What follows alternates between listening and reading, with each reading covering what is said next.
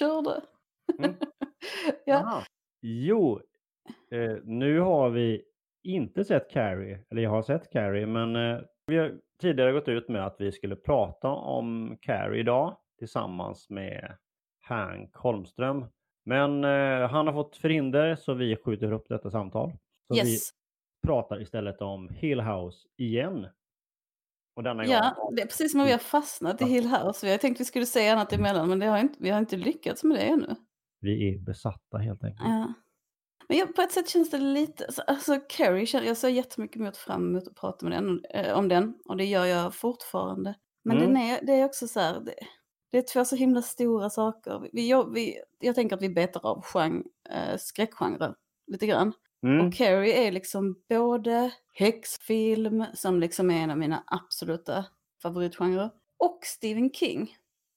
Mm. Och det är så himla extremt för mig att liksom ta sig in, an dessa två giganter i ett enda avsnitt. Alltså börja, jag skulle jättegärna ha velat liksom börjat nosa på de där sakerna redan innan. Samtidigt så är det ju bra att bara kicka igång. Men jag- ja, Så är det för min skräckhjärna blir det nästan för mycket.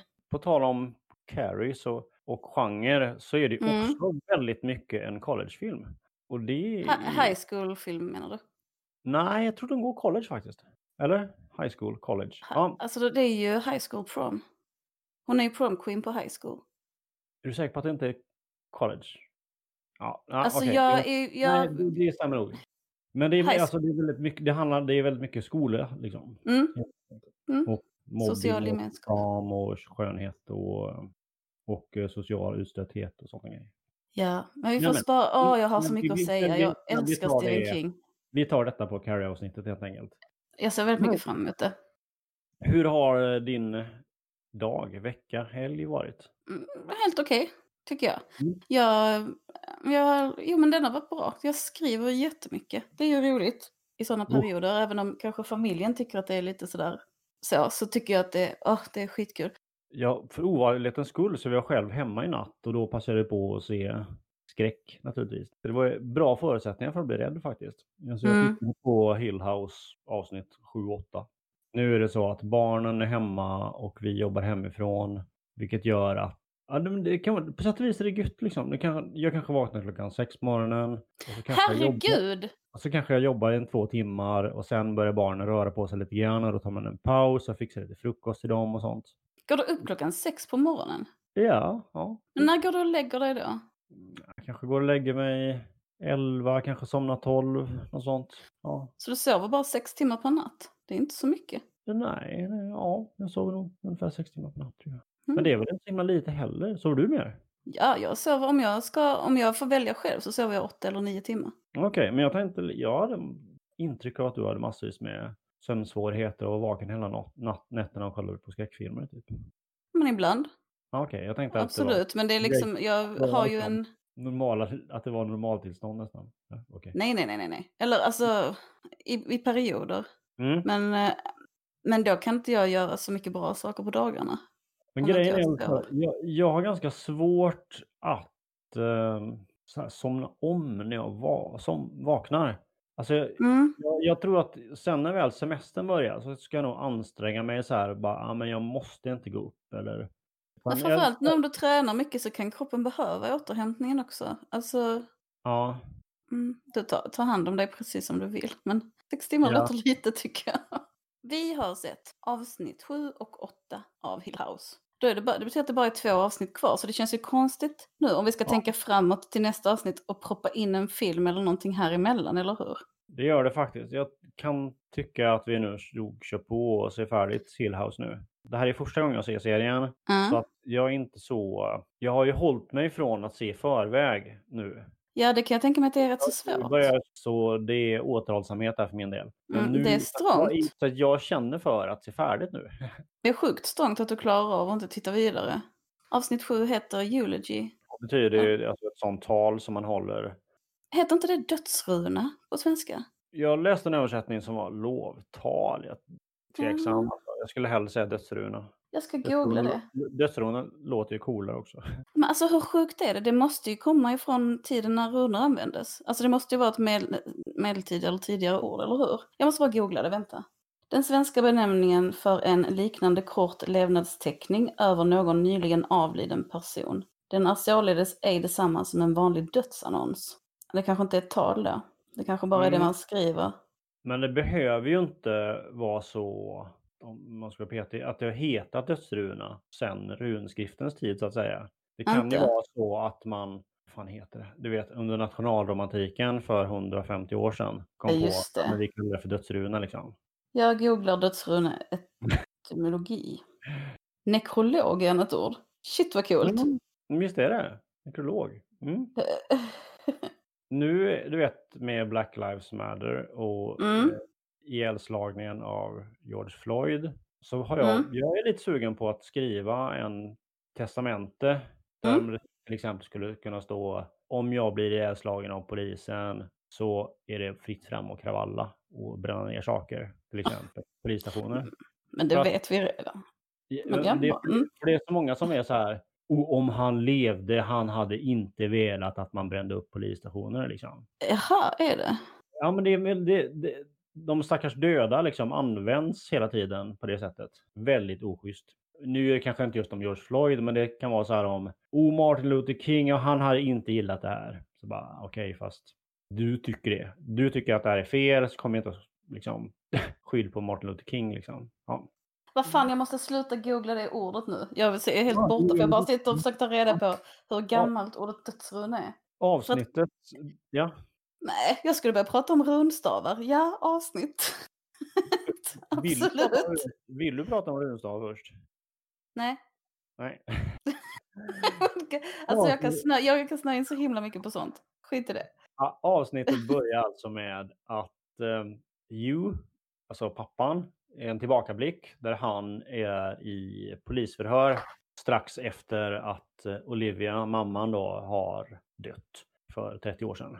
Yes. Och Och det- han är liksom inte arresterad eller så, utan polisen är så här, du får gå om du vill, men det skulle se dåligt ut. Och den här polisen eh, är lite så här, vi fixar det här tillsammans, du och jag.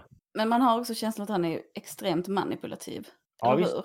Ja, absolut. Att det bara är så här, ja ja, du får jättegärna gå, men du måste stanna om du inte vill hamna i fängelse för resten av ditt liv. Alltså det är lite den känslan hela tiden. Mellan raderna, eller som jag läser situationen, så tänker ju polisen den extremt rimliga tanken att det är mannen här i, i, i familjen som är skyldig till, till sin frus död. Liksom. Och, Ja. eh, men han har inte bevis så att han, och han vill få honom att prata innan det finns en advokat i närheten och innan han hunnit tänka efter så noga. Mm. Alltså, kan du, jag får inte ha min telefon. Börjar jag, googla, för att det- jag börjar googla en annan sak senare i avsnitt nu för att jag hade tänkt att jag skulle ta reda på det för att jag håller inte med om en beskrivning. Men vi vi tar Mm. det när vi kommer dit. Nu ska jag försöka närvara här och nu. Det var bra det du sa hur man missbrukar de döda. Förlåt att jag inte ens svarade på det. Men det gör man ju jättemycket. Fyller dem med det man själv ville för att eh, de inte kan säga emot. Det är, ju som, det är kanske en bra idé att skriva ett helt utförligt testament. Bara så här. Jag tycker detta och detta och detta, säg, säg inget om mig så här. Men det kan ju vara likadant med levande. Att levande, an- Ja, alltså levande. alltså personer som hamnar i koma och så. Jag tänker på vi har haft någon ja. incidenter i Malmö när vissa personer liksom har använts som symboler för en rörelse trots att den personen inte själv har tagit den platsen utan bara kanske råkat ut för någonting. Du tänker på showan till exempel? eller? Ja, ja precis. Ja, det måste väl vara en bisarr känsla. Eller att, att så att säga hamna i koma och sen vakna upp och vara en symbol. Ja, precis. Och att, att alla möjliga människor fyller en med allt möjligt som man själv inte har gett uttryck för. Och, liksom, och det och finns också någon sån här... äh, Folk får- förutsätter liksom att alla vill ha massa uppmärksamhet och bli stjärnor och bli omtalade. Eh, Men så Ja. är det ju inte alls. Alltså, Nej. Mm, för, förlåt, jag återkommer till detta lite senare här. Men... Ja, jag, försöker- eh, jag, tror det var på, typ på Facebook någon som skrev ungefär så här att om jag dör i corona nu så vill jag inte att ni an, använder min död för att angripa eh, Anders Tegnell och den svenska ja. Det, det är ju något komiskt över det, men eh, Ja. det, alltså, dödsskräck är ju inte så komiskt, tycker jag. nej, nej, verkligen inte. Ja, Förra avsnittet var ju stort gräl, Shirl hittade sin make och sin syster Theo i samma garderob. Lite oklart vad de gjorde där. Och Mm. det, det stora grälet på eh, likvakan. Där allting med Steves pengar kom upp och sådär. Och det här avsnittet är själva begravningen av Nell. Alltså. Mm. Både ceremonin och jordfästningen, de kör det samtidigt. Pappan kommer ju till eh, hem till Shirl och eh, liksom vill prata lite med henne och sådär. Liksom. Men hon kuttar ju av honom och skickar iväg honom och han går bort till Theo istället. Men jag vet inte, en sak som jag tänkte på i de här sammanhangen är vi har ju barn bägge två och i ungefär samma åldrar. Men Mm. vad märkligt det måste vara att ha vuxna barn. Eller det är ju inte, jag antar att de växer ju så att säga en dag i taget så att det blir kanske inte är så märkligt när man är där. Men som nu för mig liksom, att tänka på att man själv plötsligt är 60-70 år och har vuxna barn liksom. Som tar massa egna beslut och som av olika sätt och så, och så har man själv massa bakgrundskunskap som de inte har. Jag tänker ofta på det att jag vill att de ska vilja vara med mig när vi är vuxna. Mm, När de kan välja. Att de ska... ja, ja, jag håller med. Alltså, för jag tycker inte det är helt självklart. Jag tycker det, det är också intressant med pappan här. Att han har liksom väldigt lite kontakt med sina barn. Han vill ju bli när- närvarande nu. Ja men där är något tillfälle när, nu, när han liksom säger så här, jo men jag vill ju träffa dem. Ja. Som att han kommer på det, som att inte det har varit, liksom, som inte det har rivit i honom. Mm. Vilket jag tyckte var lite konstigt, för han verkar ju vara ganska kärleksfull. Men han verkar ju å andra sidan rätt så sabbad också. Ja, men han, han är ju kärleksfull, det är han ju. Men han är Mm. också, han är ju samtidigt något väldigt avstängt över sig. Eller något väldigt så instrumentellt lite grann som att han är där för att fixa saker. Han är där för att ordna upp eh, så att alla får det bra. Förstår du vad jag menar? Han är inte så- riktigt känslomässigt närvarande. Alltså han, under begravningen till exempel, så är det, vet, så är det som att det är som att han inte riktigt sörjer Nell. Förstår du vad jag menar? Men vi kan, kan gå vidare, för vi, det kommer ju fram ganska fort att han lever sitt liv tillsammans med sin fru fortfarande. Mm. Det, jag, jag Som, också som en det. hallucination kanske, eller som ett spöke, det vet vi inte riktigt. Nej. Men jag tänkte också på det, att det kanske är så att han kanske inte sörjer så mycket för att han eh, ser inte den skarpa skillnaden mellan livet och döden. Liksom. Nej, så kan det absolut vara, men sen kan det ju också vara som att han lever lite i sin egen värld. Mm. Det får jag känslan att han går liksom omkring och lullar och är inte riktigt med. Det finns som i, i gemenskap och i livet, så att man, det är som att man är i en, en flod eller en ström allihopa och rör sig liksom tillsammans på något vis i, alltså du vet känslor går genom grupper och man pratar och det är liksom Mm. någon slags närvaro eller gemenskap som finns när människor lever sina liv ihop. Men han känns som han står utanför och tittar på och kommenterar tillsammans med sin döda fru. Att det är lite Ja, sådär. Eller hon hela tiden eh, säger, oh, gör inte så. Alltså regisserar honom lite så att han kan aldrig agera naturligt. Jag tycker att det är ganska snyggt för att i de första avsnitten när man träffade honom så pratade han väldigt osammanhängande. Men Mm. nu vet vi som tittare att hans osammanhängande tal är ju egentligen att han för en dialog med sig själv slash sin döda fru. Mm. Och tyckte, ja, nu visste jag ju detta när jag såg honom vara osammanhängande. Så då tyckte inte jag alls att han var osammanhängande. utan Jag tyckte det var uppenbart att han också förde ett samtal med en person som inte var där. Mm. Men du som inte visste, vad tyckte du? Nej, jag tänkte nog att här går han runt och mumlar liksom och intrycket var väl att han pratade för sig själv. Så kan vi fortfarande se det, men nu får man också höra de andra replikerna så att säga. Och det är ju en skillnad. Ja, förlåt att jag klirrar lite. Ja, men jag har för mig att även första gången jag såg det så tyckte jag att han hade som en låtsaskompis med sig hela Mm. tiden. Eller så. Men jag tror också att jag gör så själv. Att jag kan ha människor inne i mitt huvud eller sådär som jag för dialog med lite grann samtidigt som jag försöker delta i. Mm. Så jag tror det var rätt lätt för mig att fatta vad han höll på med kanske, jag vet inte. Ja, ja, nej, men jag gör det mer eh, när jag är själv tror jag. Det är bättre. Ja. Efter att man har sett att han går och pratar med Liv, sin fru, så får vi öka tillbaka. Det är ju som alltid att det klipps mellan olika tider och olika personer. Och vi kommer till Hill House innan katastrofen, efter stormen. Då upptäcker de att det har blivit fuktskador i hela huset.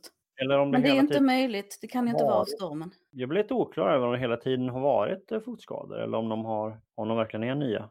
Ja, det är kanske inte jättetydligt, men de har ju bytt alla rören, säger han. Och jag tänker om de har bytt alla rören och redan varit inne i de här väggarna så borde de ju Det borde de ju veta. Att de var squishiga, Mm. för de är ju verkligen. Eh, Ja. Och sen så kommer de fram till att det är någonting som heter, alltså så väldigt bra namn på ett mögel, det heter svartmögel. Mm, det är fint. Black mold. Det låter ju Mm. fruktansvärt farligt. Men nu måste jag googla för att jag tycker att vi hade svartmögel i ett kollektiv där jag bodde och kom fram till att det inte var farligt. Så jag måste Ja, det googla svart... där eh, håller jag med om. Jag tror att vi har haft det i något badrum lite så här, alltså det är bara- lite svarta prickar och man kan i princip eh, nödlösa genom att eh, skrubba lite med en eh, diskborste ungefär liksom. Att det skulle vara så här, andas man in det så är det jättefarligt känner inte jag igen. Men det, är, här måste vara väldigt stora mängder i så fall. Svartmögel är egentligen ett samlingsnamn för en hel rad olika allergena mögeltyper. Hittar man Mhm. svartmögel ska man hantera det mycket varsamt. Jag läser Ivar Lo Johanssons Puberteten just nu. Mm. Och han, eh, när han var barn så hade hans, hans farfar, tror jag det hade eh, så här förlamad liksom. Och Mm. eh, hans ben var lite typ som att de halvruttnade på något vis liksom. Mm. Och han, att han, han tyckte att den var, tyckte om den doften liksom. Mm. Och det var lite lustigt. Ofta så beskrivs det ju liksom stereotypt så att säga som att man avskyr alla sådana dofter. Det känner jag liksom sådär. Lukten av sjukdom brukar man ju liksom Det, på det, något det sätt borde- ändå värja sig lite för. Eller det brukar vara som en varning på något biologiskt plan. Ja, det kanske inte, jag kanske tramsigt kallar det stereotypt. Jag menar, jag tänker också att vissa dofter och smaker är ju någon slags biologisk varningssignal. Liksom att Mm. så här, ät inte det här, det här är inte bra. Liksom. Ja. Pappan går som du sa och knackar på hos Theo. Mm. Eh, för att prata lite med henne. Och det, det är ju precis efter att Theo har eh, hånglat på Shirleys man.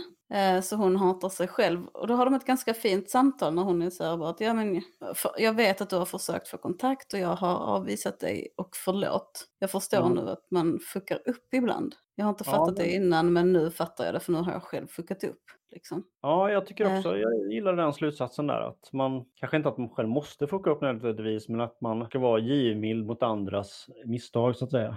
Jag tror också att om man, liksom, när man är en sån person som ställer till det, eh, eller när man har ställt till det några gånger, då blir man också nog mer ödmjuk på Ja. ett sätt. Eller, mm, ja, på, no på något sätt i alla fall. Eller för jag kan känna, känna ibland att vissa människor skiljer liksom inte på, alltså så om man gör någonting utan att fucka upp, alltså om man är dum för att man tycker att det ändå är bättre att man själv har det bra och gör Mm. något taskigt mot någon, då kan jag känna så här varningsklockor direkt. Men när Ja. folk bara fuckar upp för att de inte förstår vad som är bäst i en situation, det tycker jag är mycket, mycket lättare att förlåta. Ja, visst. Kanske också själv, för jag har gjort en hel del idiotgrejer. Tänker, jag känner igen mig i, Theo där, att jag kan liksom, jag behöver inte bli så arg som andra blir på dumheter, Nej. om inte dumheterna är medvetna. Jag kan, men om folk fortsätter, även om det är så att säga omedvetet, men om de gör det år efter år, gång efter gång efter gång, kan det vara så här, nu måste du börja få se dina egna problem lite grann, kan jag tycka. Mm, absolut. Ja, ja, och det går ju ut, om det går ut över ens eget liv, om man inte kan, som, som en missbrukare till exempel, om man själv inte kan leva sitt liv bra, då måste man ju, då måste man ju bryta för sin egen skull. Men det, kanske, det inte, inte jag alls är samma sak som att vara förbannad och säga nej, det vill jag inte Mm. ha att göra med. Jag, jag vet Eh. inte om det är när pappan pratar med, om det är när han pratar med Luke eller när han pratar med Theo, eller kanske till och med Cheryl, där mamma ger väldigt goda rådet You don't have to talk. Alltså att, Ja, det är när han sätter sig bredvid Luke efter, efter eh, mottagningen tror jag. Ibland räcker det att bara vara där och lyssna och man måste inte liksom komma med någon feedback och man måste inte säga massa smarta grejer utan ja, Nej, det är jättefint. Liv, livsvisdomar. ja, men det tycker jag är en jättefin sak. Faktiskt, jag reagerar också på det. För jag kommer ihåg någon gång eh, en av mina barn skrek mycket i en Mm. period. Och jag, som bebis. Och jag kunde inte hjälpa barnet. Alltså jag visste inte vad jag skulle göra. Mm. Eh, och så var det någon som frågade mig, men alltså när du mår dåligt och någon, folk inte kan hjälpa dig, vad vill du att de ska göra då? Och då, blev, då kunde jag bara säga, men gud, det räcker ju bara att vara där. Liksom. Är, Ja. Man behöver inte hålla på och försöka fixa saker, det är ju bara störigt. när det inte går att fixa, liksom, om det nu är inne i en själv. Ja, Så bytte jag liksom fokus med bebisen och så blev allt så mycket bättre. Alltså vet, så här, det här skriket var inte ett problem jag skulle lösa, utan det var bara någonting vi skulle ta oss igenom. Det var inte Ja, alls lika jobbigt. ja. Mm, sen kommer vi tillbaka till Hill House igen, det gamla. Och det visar sig att det här svartmöglet är helt oförklarligt och de går omkring med fuktmätare och de, har, de måste torka ut de bygger olika tält och de måste också sanera. Alltså man, jag antar att vissa mögel man måste liksom spruta skit på det så att sporerna dör också. Man kan inte bara torka ut. Mm, antagligen. och det blir då väldigt dyrt och pappan har inte råd så han ska försöka göra det själv med Steves hjälp. Och Måste den här liksom, ja. hantverkaren som är där säger bara att det är ett stort jobb för ett barn och jag tror inte du klarar det själv. Men pappan vill eller måste göra det för att de har inte pengar till att, Ja. anställa massa människor. Och då säger de också något sånt här att om vi inte om vi inte får ordning på detta och flippar det, alltså flip house, de ska sälja det, så fastnar vi här. Mm. Så att det är så här, de känner den paniken att de måste få huset bra så att de kan komma därifrån. Liksom. Och en sak som inte jag fattade förrän det här avsnittet faktiskt var Mm. att de kommer ju bara hit och ska bo här i typ åtta veckor egentligen. Bara tokrenovera i åtta veckor och fixa och sen sälja det på den tiden. Och då Och fattar man ju plötsligt varför de inte ha ställt i ordning ordentligt till barnen och fixat bra rum till dem och sånt. Ja. De ska bara bo där typ över en sommar. Och då också förstår man ju också att de måste ju flytta extremt ofta, de här människorna. Ja. Att det här är deras leverne liksom. Och sen så pratar mamman och pappan också lite i nutid om sin, alltså den döda mamman och pappan om sin relation. Och lite här de sista dagarna, att de inte räknas utan mamman sa något sånt, we're solid babe. Alltså de Mm. har fortfarande en fin relation och de, de tycker att det var inte dem, de där sista dagarna i Hill House. Ja, de är ju medvetna om det. Ja, det tycker jag ja. var lite, på något sätt fint. Sen kommer äh, Theos dejt kommer till begravningen. Mm. Alltså den här tjejen som hon har haft några one night stands med. Och det blir hon arg för. Eh, men jag gillar ändå dejten som så här håller avstånd och bara, men jag ville bara göra det här för dig. Alltså hon är ändå så här lite stabil. Mm. Och on, äh, Aunt Janet, den här eh, kvinnan som de, eh, mammans syster som de växte upp hos, eh, kommer Det- också på begravningen. Och det är hon som beter sig som Vi bara förklarar. Jag fattade inte först om det här var pappans syster eller om det var mammans syster. Men det är Nej. Ja, precis. Nej, det fattar inte jag heller. Men det var i det här avsnittet när mamman skulle åka och vila upp sig hos sin syster Janet. Så Mm. man förstår att Aunt Janet är moster Janet. Ja. Eh, Men hon, när hon kommer in där på begravningsbyrån eller på mottagningen så beter hon sig väldigt mycket som om hon har förlorat ett barn och som om hon återser sina barn och hon kramar syskonen och sådär. Eh, och de kramar henne och de söker trygghet hos henne på något vis. Alltså inte jättemycket men ändå att de vill gå och hålla om henne på ett sätt de inte alls gör med pappan. Och han blir lite så här sur och sårad. Liksom.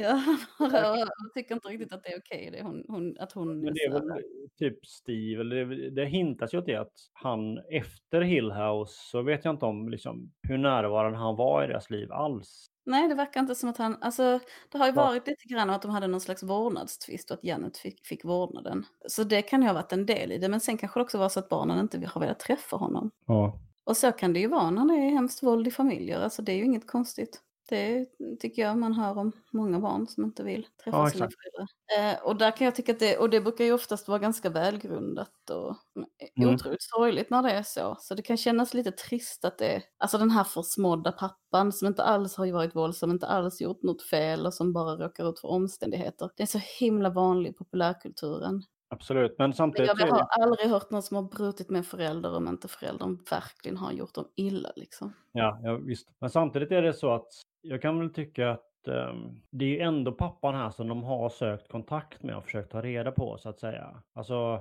Nell när hon låg risigt till och Ja. att hon skulle ta Mm. livet av sig. Hon ringde inte järnet liksom. Hon ringde Nej.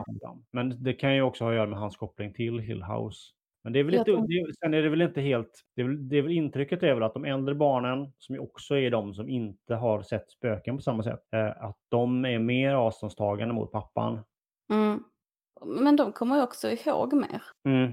Och så kan det också vara i dysfunktionella Ja. familjer, att de äldre barnen ofta är, har mer tydliga minnen av svek och därför är... Ja, ja men det är väldigt intressant för det liknar ju mycket i, i verkligheten och samtidigt, så- alltså jag tycker den gör det väldigt bra. Samma sak med, med pappans grej med, med, mam, med att han ser mamman och fortfarande umgås med, med henne, att han berättar att men hans terapeut har sagt att det är helt normalt. Det är väldigt många enklingar som gör det och det är en coping mechanism. Och det tror jag är sant. Jag tror man ofta gör så, att man ta, talar med döda för att man behöver ha kvar dem i sitt liv. Liksom. Ja, speciellt när man liksom har varit väldigt nära och pratat dagligen i, ja, det kan ju vara 50 år liksom. Ja, men du vet, eller massa år liksom. Och sen så dör den här personen och då, Mm.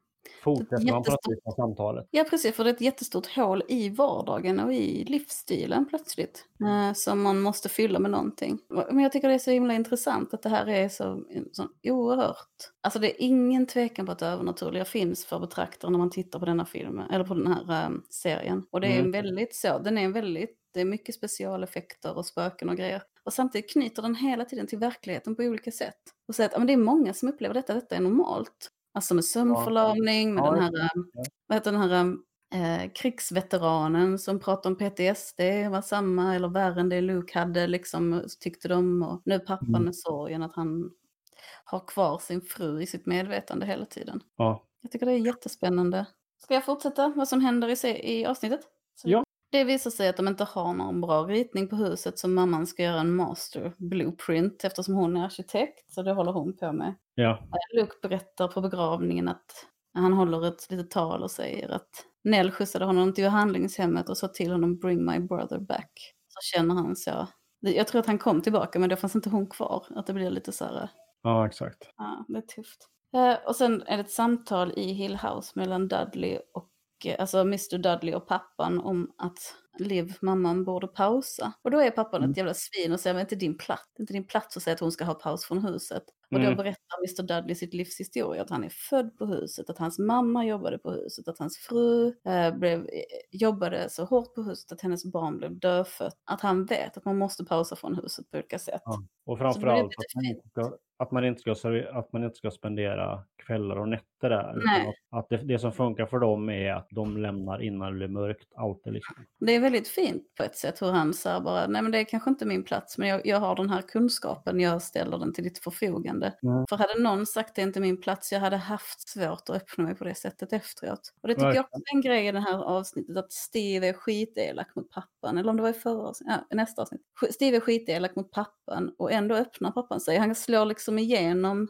murarna genom att vara sårbar. Det är lite coolt att de ger en sån total biroll som Mr Dudley eh, så mycket tid och plats. Det är liksom som att ha ett väldigt lång sammanhängande. Det, är näst, det, det klipps liksom inte speciellt mycket alls där utan det är väldigt bara han får prata i flera minuter i sträck. Liksom. Det är ett ovanligt drag kan jag tycka. Han, han berättar vad som har hänt honom. Han, vi får inga, inga klipp, ingenting. Och det känns inte som en monolog. Nej, det är inte så här att de visar bilder på Claire när de springer genom skogen. Liksom, Nej. Ja, men jag tyckte det var jättebra. Han gör det också väldigt bra. Ska, när de ska åka till, de åker limousin till jordfästningen efter begravningen. Och då vill inte Shirley åka med Theo och hon vill inte åka med sin man. Så hon får inte plats i någon av limousinerna.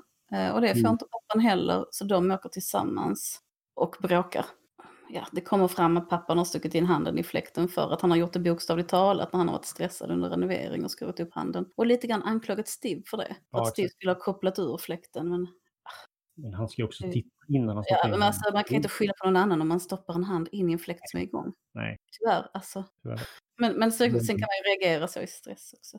Men det, har ju, det är väldigt mycket så att i, i renoveringarna så har Steve velat hjälpa till men ibland fått det, ibland inte fått det. Han har velat vara liksom, vuxen och fixa och dona som pappan. Liksom. Och Mm, ibland han har han fått det men för, för det mesta inte.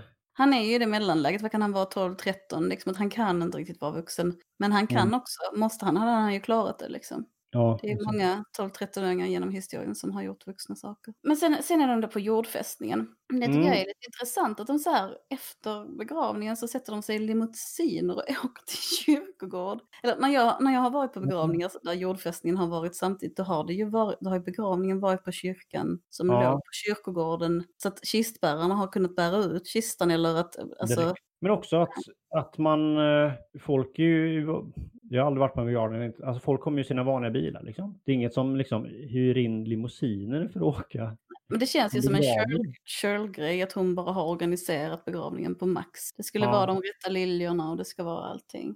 Hon läser Ja. någon fin dikt också. Jag tycker hon ordnar det ju bra. Eh, Ja. Men mot sin familj är hon så hela tiden bara, vi har inte öppet nu. Det är det Mm. enda hon säger, så hon är liksom begravningsentreprenör Ja. i relation till sin familj. Hon vill inte snacka med någon om något. Men en sak Eh. som vi inte har tagit upp så mycket i det här avsnittet är ju möglet är en historia som är Mm. tillbakablickande, men det är också väldigt mycket Olivias tilltagande splittring, liksom, galenskap. Mm. hon, hon börjar förlora fotfästet ganska rejält och det här är verkligen dagarna innan den stora upplösningen i tillbakablicken så att säga. Ja, verkligen. Snack om att hon ska åka bort några dagar och sånt, vilket Ja. hon sen aldrig verkade göra. Nej.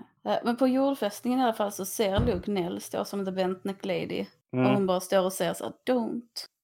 Och sen så ska han, ja, jag tycker mycket om att göra det, jag tycker det är fint, man tar jord och slänger på kistan som ett sätt att, att man faktiskt aktivt begraver sina döda, att man säger så här, Mm. nu är det slut. Och när han gör det så tror jag det är mamman som så här, kommer upp ur graven och försöker dra ner honom. Ja, Och då tror jag pappan också ser det, för pappan ser ju allt spooky och, och håller honom kvar. Och det är ju ganska så, det är väldigt så tropiga och förutsägbara grejer, att lik kommer upp i graven och försöker dra ner en, eller att spö, folk spökar och så. Men jag tyckte ändå det var väldigt fint här, för jag tyckte, ja, jag har förlorat en person som var så en stor del av min vardag, så det ändrades mitt liv att han försvann liksom. mm. Det var min morfar. Och jag kommer Mhm. ihåg på begravningen att jag bara så här, men jag skulle gå fram och lägga sand på kistan och Mm. ta, ta avsked och så. Och det bara, det bara gick för fort. Det kändes Ja. som jag ha- hann liksom inte ta avsked på den tiden. Och det kändes som att känslomässigt så var det så himla mycket att fatta på så kort tid. Att det verkligen kändes som att han var där och sa nej inte än, inte än. Och jag också bara nej inte än, inte än liksom. Kom dödsfallet som en förvåning eller chock eller?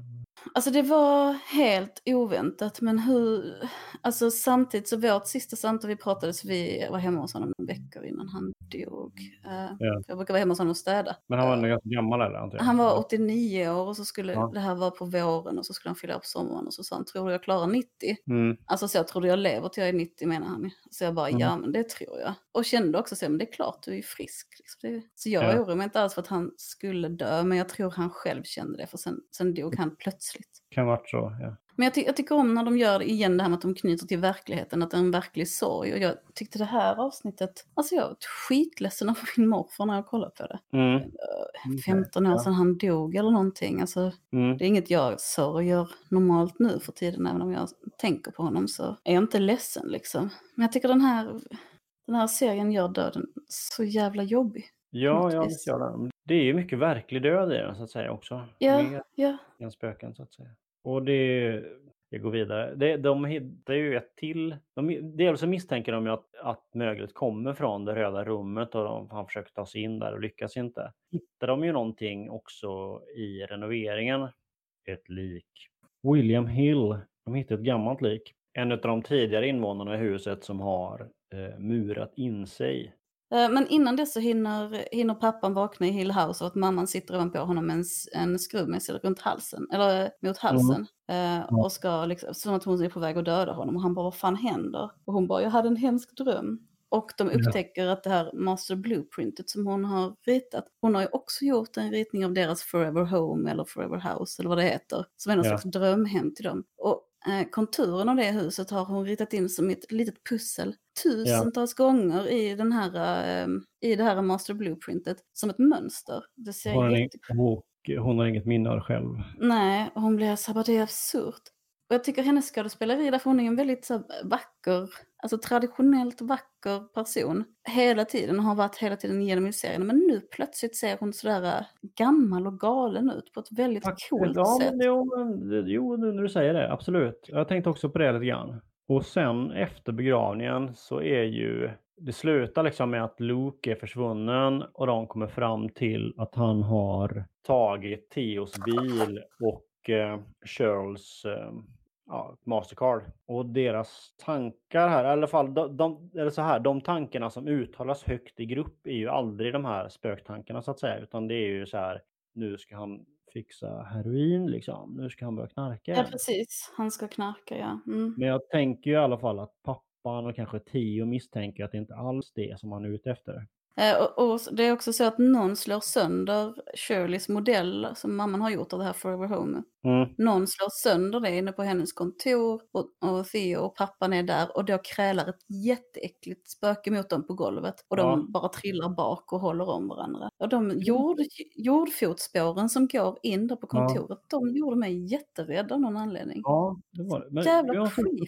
Jag har lite svårt att se skillnad ibland på de så att säga kvinnliga spökena. De är Ja, det väldigt ganska likartade liksom. De har långt Ja. hår, de har Och häng, det hänger framför ansiktet och de är bleka. Ja. Men jag tyckte varken Ja. detta såg ut som mamman eller... eh, Alltså det här såg ut som någon som var mindre Nej. än eller mamman. Ja, jag fattar inte. Ja. Men sen berättar de inte för någon om det och det gör Theo förbannad. Hon bara, men ska vi inte säga någonting? Och pappan bara Mm. så här vrider lite på sig. Jag tror, ja. Det är väl som att han har försökt berätta för dem, Steve till exempel, och kör om Mm. spök tusen gånger. Eller att, dels att han vill skydda dem, men dels att han känner att det inte är lönt att berätta. Avsnitt 8 heter Witness Marks. Mm. Vittnesmärken, säger man det på svenska? Jag vet inte. Det är väl inget begrepp på engelska heller kanske. Så, och Ja. om, om sjuan slutade med att Luke hade försvunnit så börjar inte åttan där, klassiskt nog, utan någon annanstans. Nämligen, Mm. eh, vad säger man familjeplanering eller vad säger man? Man säger eh, fertilitetsklinik är Steve och Lay på. Ja, de ska göra Mm. någon slags IVF eller något sånt. Att de ska plantera in befruktade ägg i henne, diskutera dem. Eller hur de ska göra, vad de ska göra ehm, för att skaffa barn. Och Steve sitter och tittar och ser någon annan. Han ser någon annan i fönstret som inte är där och lyssnar inte på vad de säger. Allmänt det- frånvarande, disträ. Ja, och det är en sån viktig stund och jag tror att ja, det känns ignorant. Va, vad det än är så får man ju försöka. Ska man skaffa ett barn så får man ju försöka göra det. Och eh, han, det, det märks att han inte har läst på innan. Men de här grejerna får sin förklaring senare i avsnittet. Mm. Och sen får vi, sen får vi se eh, hemma hos Shirley där i begravningshemmet när de pratar om var Luke är. Och då säger Theo att eh, det kan mycket väl vara så att han ska ta livet av sig. För Mm. att det kan skapas självmordskluster i familjer. Eh, och det här har ju redan varit då, två självmord eh, i den här familjen. Och Och hon har, Med tanke på att de är tvillingar. Ja, exakt, det är ännu vanligare med tvillingar. Och det, det här med självmordskluster, det är faktiskt något som finns. Jag umgicks med ett punkgäng i Östersund av Ja. olika anledningar eh, när jag var ung. Och där var det så att en av anledningarna till att de kom ner till Skåne och vi träffades var att eh, ja, men det var väl en fem, sex tjejer tror jag som så här, försökte komma bort från ett sånt där självmordskluster. Mm. Men var det, okej, för du, du bodde, var aldrig i Östersund liksom? Eller aldrig? Jo, det var jag också, men det var ju för att jag hade lärt känna dem och gillade dem. Vi, Ja, jag förstod det först som att du hade bott där, men okej, inte så. nej, eller ja, över en vecka. Nu ska jag ta, en- Men nu ska jag ta en kaffe om det hörs något konstigt här. Nej, men så det, det är faktiskt något som finns och det tänker jag att det kan man vara lite uppmärksam på för att det är nog lätt, eh, Mm. det är nog lätt att tänka att nej men här har de som var, skulle ta livet av sig har tagit livet av sig. Men det smittar, det kan verkligen smitta sådana självdestruktiva Mm. beteenden. Men jag kommer ihåg Ja. som när jag var yngre så var det också så att jag eh, liksom hade, så visst det, det går väl liksom psykisk sjukdom och sånt kan, kan väl säkert gå i arv men det var liksom som att jag visste att det var eh, andra i släkten som hade haft en hel del bekymmer och så tänkte jag, ja, men så här, då kommer jag också bli det, jag kommer bli galen och sådär. Liksom. Jo men det, det kommer jag ihåg att du har berättat innan att du liksom levde länge med väntan på att bli tokig. Mm. Mm. Men du blev aldrig tokig eller? Nej, inte speciellt. Nej men eller hur, du har aldrig haft någon större problem att fungera i samhället väl? Eller? Nej. Nej. Det är, ju samhället suttit som i... har, det är ju samhället som har problem med mig helt enkelt. Ja, jag tänkte just att jag tänkte, kom på det att du har suttit inne i, åkt fast lite grann. Men ja, ja. Ehm, Men det har ju inte varit eh, några psykhus som jag har varit inspärrad i. jag tror det är många som hamnar i fängelse, det kan nog vara. Absolut. Det kan ska nog vara lite vilket som. Det, det, är, det har varit, du vet, det har varit ganska mycket om polisvåld och sånt liksom. Eh, Ett sätt som man har kommit fram till funkar för att få ner antalet människor som dödas av polisen. Mm. Det är att man inte alltid skickar snuten när folk ringer. Utan att man försöker, med andra ord, jag fattar det som att man har gjort tester, eller tester, man har praktiskt sett, när någon ringer eh, och larmtelefonerna så har man försökt tänka, är det, behöver vi skicka en polis eller ska vi skicka någon som är van att hantera eh, mental ohälsa? Och, Ja, och- precis. Men det och väldigt många av de som dödas är ju, hade egentligen behövt vård och har man Ja. då skickat folk som har den vanan istället så har det fått ner dödsfalltalen. Och väldigt många av de som dör i Sverige och dödas av polis är Det är funkispersoner på olika sätt, ja. Ja, Eller hur? Ja. Jo, men det, och det borde, jag skulle önska att funkisrörelsen, att vi, vi kunde ha liksom lite mer pondus, eller vad man ska säga. Så Lou, i alla fall. Steve Ehm. är på Hill House och där är en massa folk. Och han ser en massa människor som jobbar. Eh, och han ser sin mamma stå och prata med en vägg och han vill göra en så här, heter det, toalettbord. Till. Ja, det är ingen pigtittare, det är en felöversättning. Ja, okej. Jag vet inte riktigt vad en Man fick en pigtittare jävla är. piga har plats till ett stort bord med en stor, tre speglar liksom. De har en liten pigkammare. Det här är Okej. ett helt toalettbord. Ja, Så det, right. det är igen den svenska översättningen. Mm, så han vill göra det och sen så är det klipp till när Steve och pappan åker omkring i en bil och letar efter Luke. Och, då, och pratar om relationer och på olika sätt. Och det är där som pappan öppnar sig för Steve och på så vis når igenom Steves ilska. För Steve har någon sån idé om att alla i den här familjen är psykiskt sjuka. Men vi söker inte hjälp eftersom vår pappa hela tiden pratar om att det är spökhistorier. Ja, exakt. Han skyller på huset när det egentligen är i våra Mm. huvud. Som det Och, så säger, ja, och så säger Steve också att jag är också psykiskt sjuk. Men mm. varför söker du inte hjälp då? Alltså om du nu har genomskådat, jag tycker det är jättekonstigt att han, Ja, att han skyller på pappan att han inte söker hjälp av en sök hjälp-människa. Jag gillar verkligen hur pappan sen kan visa för Steve att Steve har sett spöken och Ja, har, och har vanföreställningar.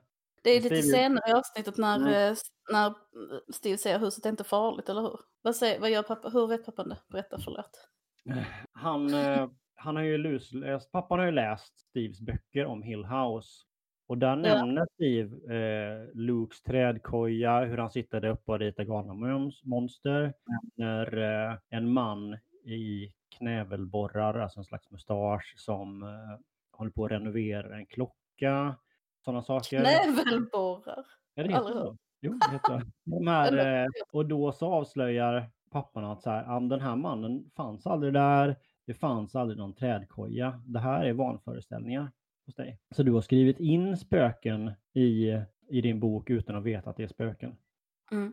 Och så säger han så, men tänk efter själv. Vi bodde där i åtta veckor. Vi skulle renovera snabbt. Varför skulle jag ställa mig och bygga en träkoja till er? Och den här, han har också sett en klockreparatör som inte... för- Ja, knävelborrarmannen. Sorry. Ja. Ja. Och det, och det man ser, och det, det, den ser man ju som tittare men förstår inte det förrän i efterhand att det var en, ett spök så att säga. Och det man kan Nej. tänka på är då att han ser ju inte ut att vara från en 80-talsmänniska liksom. Utan han Nej. har ju, här, det är ju en äldre liksom, klädstil och sånt på honom. Men en sak som är, vad ska man säga, nytt i det här programmet, Mm. mm. det här avsnittet, är ehm, det som, den, den, yt- den yttre handlingen är att Luke är fortfarande på väg mot Hill House. Och de, nu, de fattar nu att det är Hill House han är på väg mot. Mm. Ja, och att han har stannat på en bensinmack på vägen mot Hill House. Han ska inte bara köpa knark liksom. Nej. Och eh, under tiden så då kör Steve och pappa efter medan Theo och Shirley är, tillbaka, är kvar till en början. Och, och det som är kul kan jag tycka, eller det är mycket som är roligt, men är att här blir det spökar för Shirley. Så att säga. Det är liksom, hon Mm. blir på allvar utsatt för spökena väldigt, Mm. väldigt mycket. Och det är, det är också en sån, äh, det är halloween. Och folk knackar på Mm. hennes dörr och man bara, ja ja, liksom, busknackar på halloween, det hör ju till. Men det kommer mer och mer knackningar, de blir vildare och vildare och överallt. Och hon springer liksom och upp, eller hon stänger dörren och sekunden efter knackar det, alltså precis när dörren går igen, fastän hon har sett att det inte var någon utanför och sådär. Och det, de här två avsnitten har det inte varit så mycket som har skrämt mig. Men Nej. just de knackningarna tyckte jag var skitäckliga. Ja, också när de också ökar i intensitet och kraft. Det, liksom, Ja, det, det här blir är, här- det här är liksom ingen tioåring som bankar på dörren utan det är liksom kraftiga slag. Det är liksom hela dörren skakar liksom. Ja, det finns vissa smällande ljud som kan vara så jävla obehagliga som skrämmer mig alltid. Väldigt coolt. Annars tror jag de här avsnitten mest är för att driva handlingen framåt. Ja. Även de läskiga sakerna. Det enda som är riktigt läskigt tycker jag är det där spöket som kravlar på golvet efter att ha slagit sönder Forever Homet. Men jag tycker att det var en bra eh, jump scare i slutet på det här avsnittet också. Där, du det? eh, Mm. Ja, jag tyckte det. När Nell hoppar fram mellan Theo och... Ja, eh, den, ja, den är sjukt bra. Det har du Ja, rätt i. Jag trodde du menade den, den är allra sist i slutet. Ja, för, Ja. för att det, det blir så att ehm, Steve och pappan kör mot huset. Shirley och Theo kör mot huset. Och i dessa, under dessa bilfärder så reder de ut sina konflikter ganska mycket. Så det är ju det är ju på något sätt fint att de liksom på alla sätt närmar sig det förflutna eller så här liksom. Ja, Och pappan säger någonting som är eh, väldigt bra tycker jag, som sammanfattar lite Ja, ehm, en, en grej kring serien till eh, Steve. Han säger för det här huset så är vår familj en oavslutad måltid. Ja, det tyckte jag var tjusigt.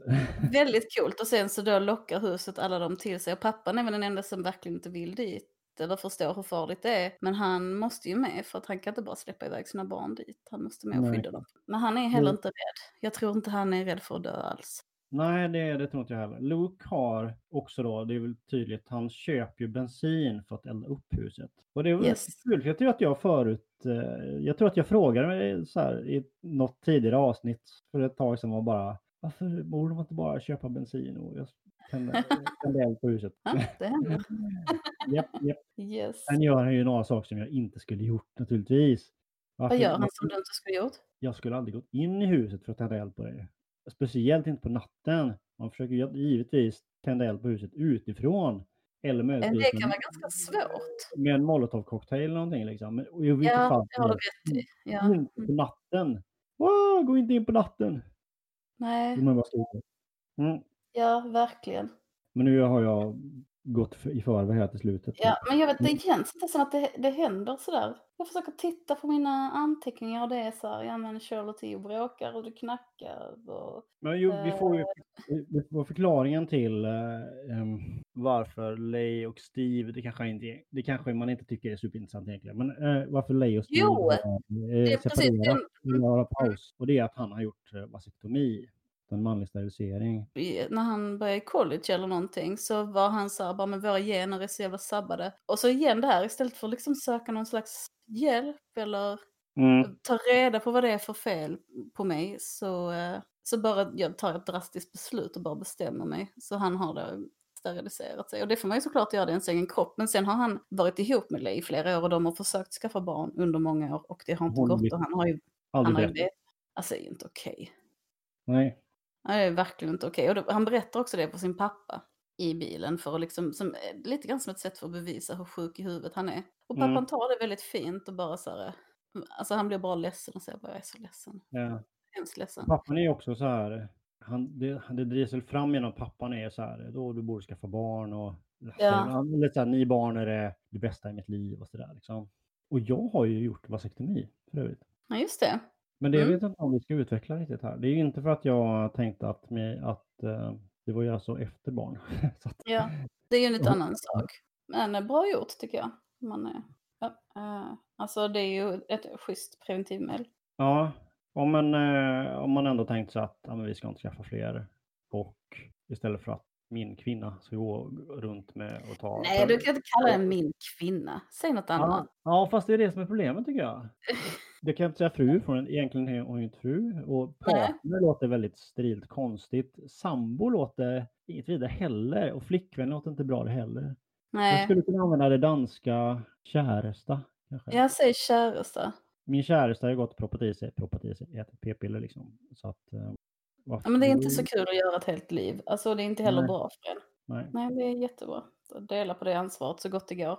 Jag måste bara berätta. Den här Ja. aset till läkare. Mm. Som bara, så jävla drygt. Så, står, så han ska ha något kort samtal med mig innan detta beslut tas. Och så Mm. så här. Ja, men eh, har du tänkt på att bägge dina barn kanske dör? Bara, "Mm, nej, jag har inte tänkt på det förrän du nämnde det just nu.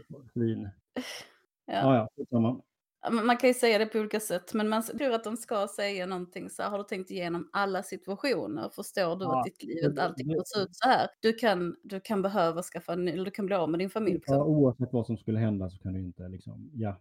Nu har eh, Steve målat och gjort ett jättefint to- toalettbord till sin mamma. Det är blått med stjärnor på och det är fullt med så här, foton på barnen överallt runt i det. Och hon blir jätteglad Mm. och sätter sig ner och tittar i det och sen får hon syn på någonting hemskt in i spegeln, blir jätteupprörd och slår sönder spegeln. ja. Eh, och sen tittar hon på Steve och säger att hon har slått sönder sin jättefina present.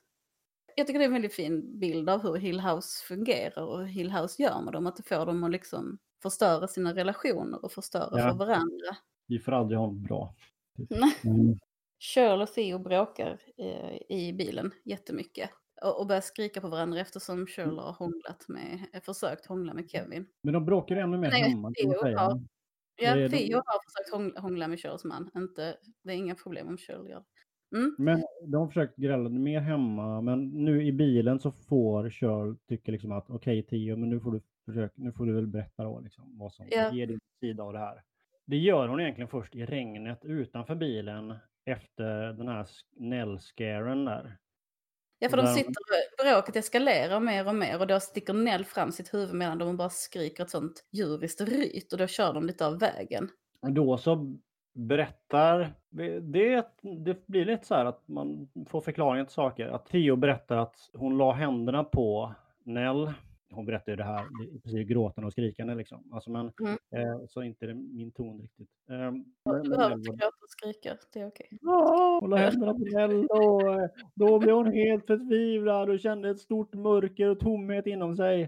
Eh, och liksom fick på något vis döden så att säga i sig och liksom började så här, är det här, ska det vara så här en stort frånvaro av allt, man känner ingenting.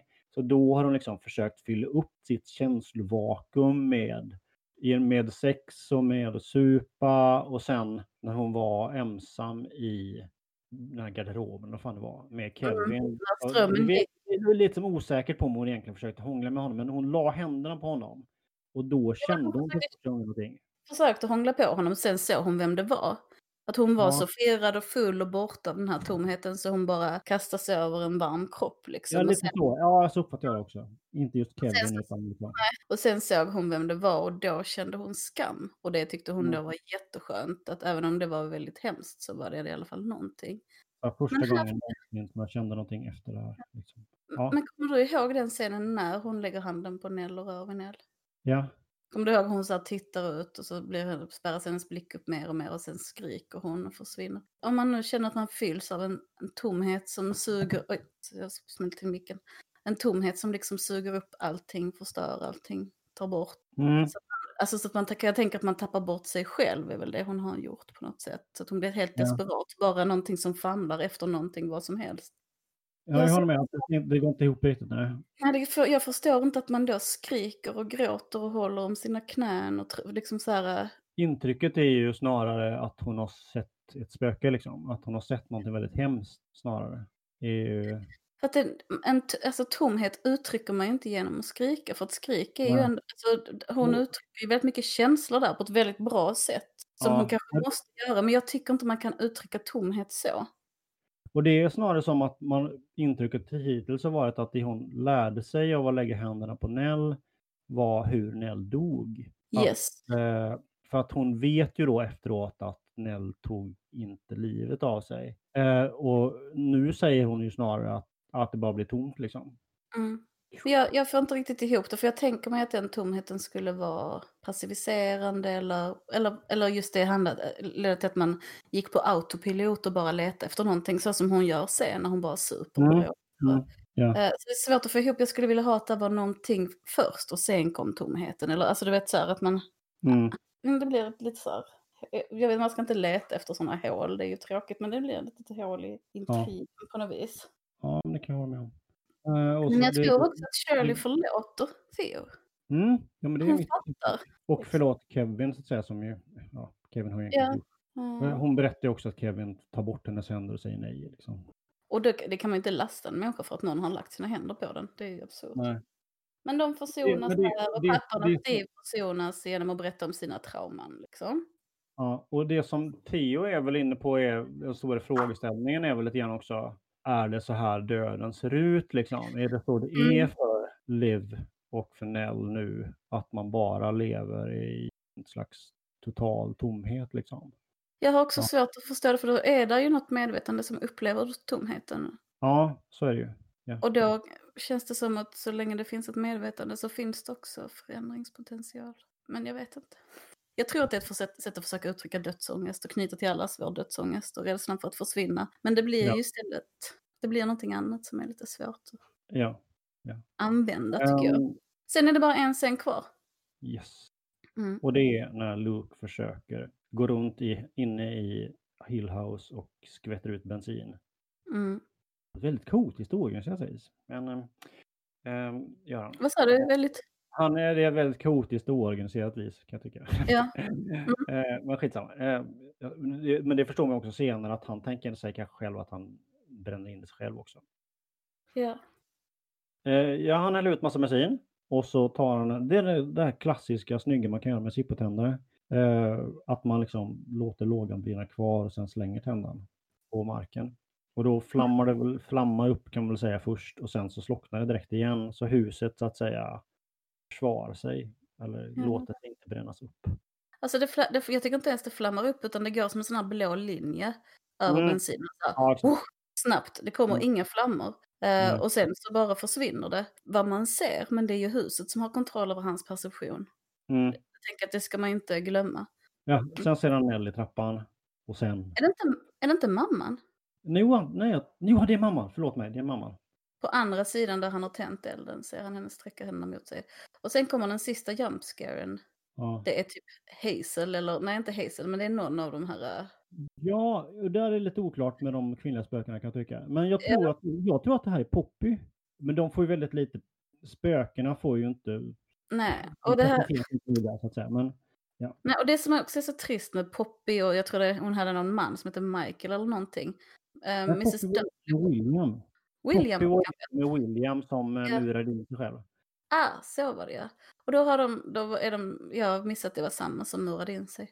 Men då har de, Mm. presenterar de liksom det som bara att ja, de, de träffades på ett sinnessjukhus och de är gal, var galna och liksom ladda. Och på Mm. tal om funkisrörelsen och så, så tycker jag det är väldigt trist när man använder Alltså psykisk sjukdom kan ju vara otroligt skrämmande och jag tycker de jobbar väldigt bra med till exempel sömnförlamning och på olika Mm. sätt med psykisk, psykisk sjukdom som ett tema i serien. Men när, de, Ja. när man gör så, när man säger åh titta de här är läskiga för de satt på the insane asylum liksom, eller Ja. För samtidigt säger de väl att William inte var galen? Eller? Jag förstår vad jag menar. Nej, nej, nej, de sa, sa väl att Ja. han var galen, att han blev skickad till det sjukhuset för att eh, hans föräldrar var rika så han behövde inte hamna på ett vanligt sjukhus. Liksom. Ja. Men jag kan tycka också att eh, oavsett av det, jag hade jag kan känna att jag hade velat ha att mer om, av serien handlade om invånarna, de tidigare invånarna. Jag hade liksom velat reda, få reda på mer om Hazel och Poppy och William och vad som hänt i huset tidigare. Sådär. Ja, faktiskt. Det vill inte jag. Det, men det kan vara... Jag tror det är jätteofta när vi läser eller tittar på saker tillsammans som du vill veta mer. Vill ha bakgrunden. Ja, precis. Jag vill gärna veta nästan mindre. Eller jag kan bli så här, ja, ja, ja, ja, ja, kom igen nu. Liksom. Ja. Att jag tycker jag, ja. jag är så ytlig, jag bara rör mig på ytan i det som händer. Liksom. I alla fall, något av de här gamla spökena kommer och tar runt hans huvud bakifrån. Lägger händerna framför hans ansikte när han ser sin mamma, Luke alltså. Mm. Sen bara, pop, är det slut. Ja, sen försvinner så att man vet inte om han dör eller överlever eller vad som händer. Nej. Jag har ju tidigare gissat att han kommer dö i serien, men vi får se om detta stämmer eller inte. Du Ja. kanske vet, men du behöver inte säga någonting. Spoila inte. Jag kommer inte ihåg. Nej, bra. Men det här, Ja. de här två avsnitten, de Ja. tycker jag inte är... Alltså som The Bent Lady var så jävla bra, Ja, det avsnittet. Och de här avsnitten är ju inte... Alltså de är till för att transportera handlingen framåt känner jag lite jag håller med. De är lite transportsträcka. Jag är inte... Jag Bokstavligt börjar... talat, de är i bilen hela tiden. Ja, jag, jag är medfull där. Mm. Jag Mm. vet inte om... eh, Det kanske är så att den här serien skulle varit typ åtta avsnitt istället. Jag vet inte riktigt. Och inte tio. Men eh, det får jag vänta med några avsnitt för att avslöja eller säga. Ja, Men precis, vi ser, vi ser de två sista och sen så... eh, Sen vet vi. Samtidigt måste jag säga att känslomässigt det här med att framförallt då avsnitt sju Ja, Ehm, där, där kände jag mig så himla ledsen över döden och lite rädd för döden. Du sagt innan att jag, jag brukar inte vara Ja. rädd för döden, men den här serien gör mig lite rädd för döden. Ja, ja Som sagt, den här fruktansvärda sorgen efter morfar som var liksom kopplad till minnen av hans begravning. Och jag trodde inte jag kunde känna det längre, så det var intressant. Alltså du vet som har varit ledsen Ja. länge och kommit över det på något vis, eller man ska säga. Han var ju ändå 89. Det. Ja. Eh, Men det blev så tydligt att han inte finns kvar. Det spelar ingen Ja. roll hur mycket han fick leva, liksom. han finns inte. Ah, annars tänker jag kanske att Mm. han ändå finns i mig på något vis. Jag har inte fått samma kopplingar här. Eller det var lite längre sedan mina släktingar dog kanske. Men... Nej, det var farmor dog nyligen, men hon var ju senil. Ja, ja, det jag vet liksom. Hon var ju senildement så väldigt länge. Ingen av dödsfallen var speciellt överraskande för min del. Vi, jag, jag tänker mig att vi struntar i Carrie ett tag till. Och Ja. eh, nu, nu fortsätter vi att titta färdigt på Hill House helt enkelt. Och sedan eh, så får vi höra med Hank vad han vill. För det ska bli jättekul att ha med honom. Och det tycker jag verkligen vi ska se till. Mm. Att det blir av på något sätt. Även om vi har haft lite strul. Det är svårt också när man inte, liksom vi är inte i samma stad och kan inte hjälpa varandra. Och så. Alltså i vilket fall som helst så är jag inne på att se färdigt Hill House ganska snart. Eh, Nej, nej, men då så. Men vi tar det lite. Tack för att ni lyssnar.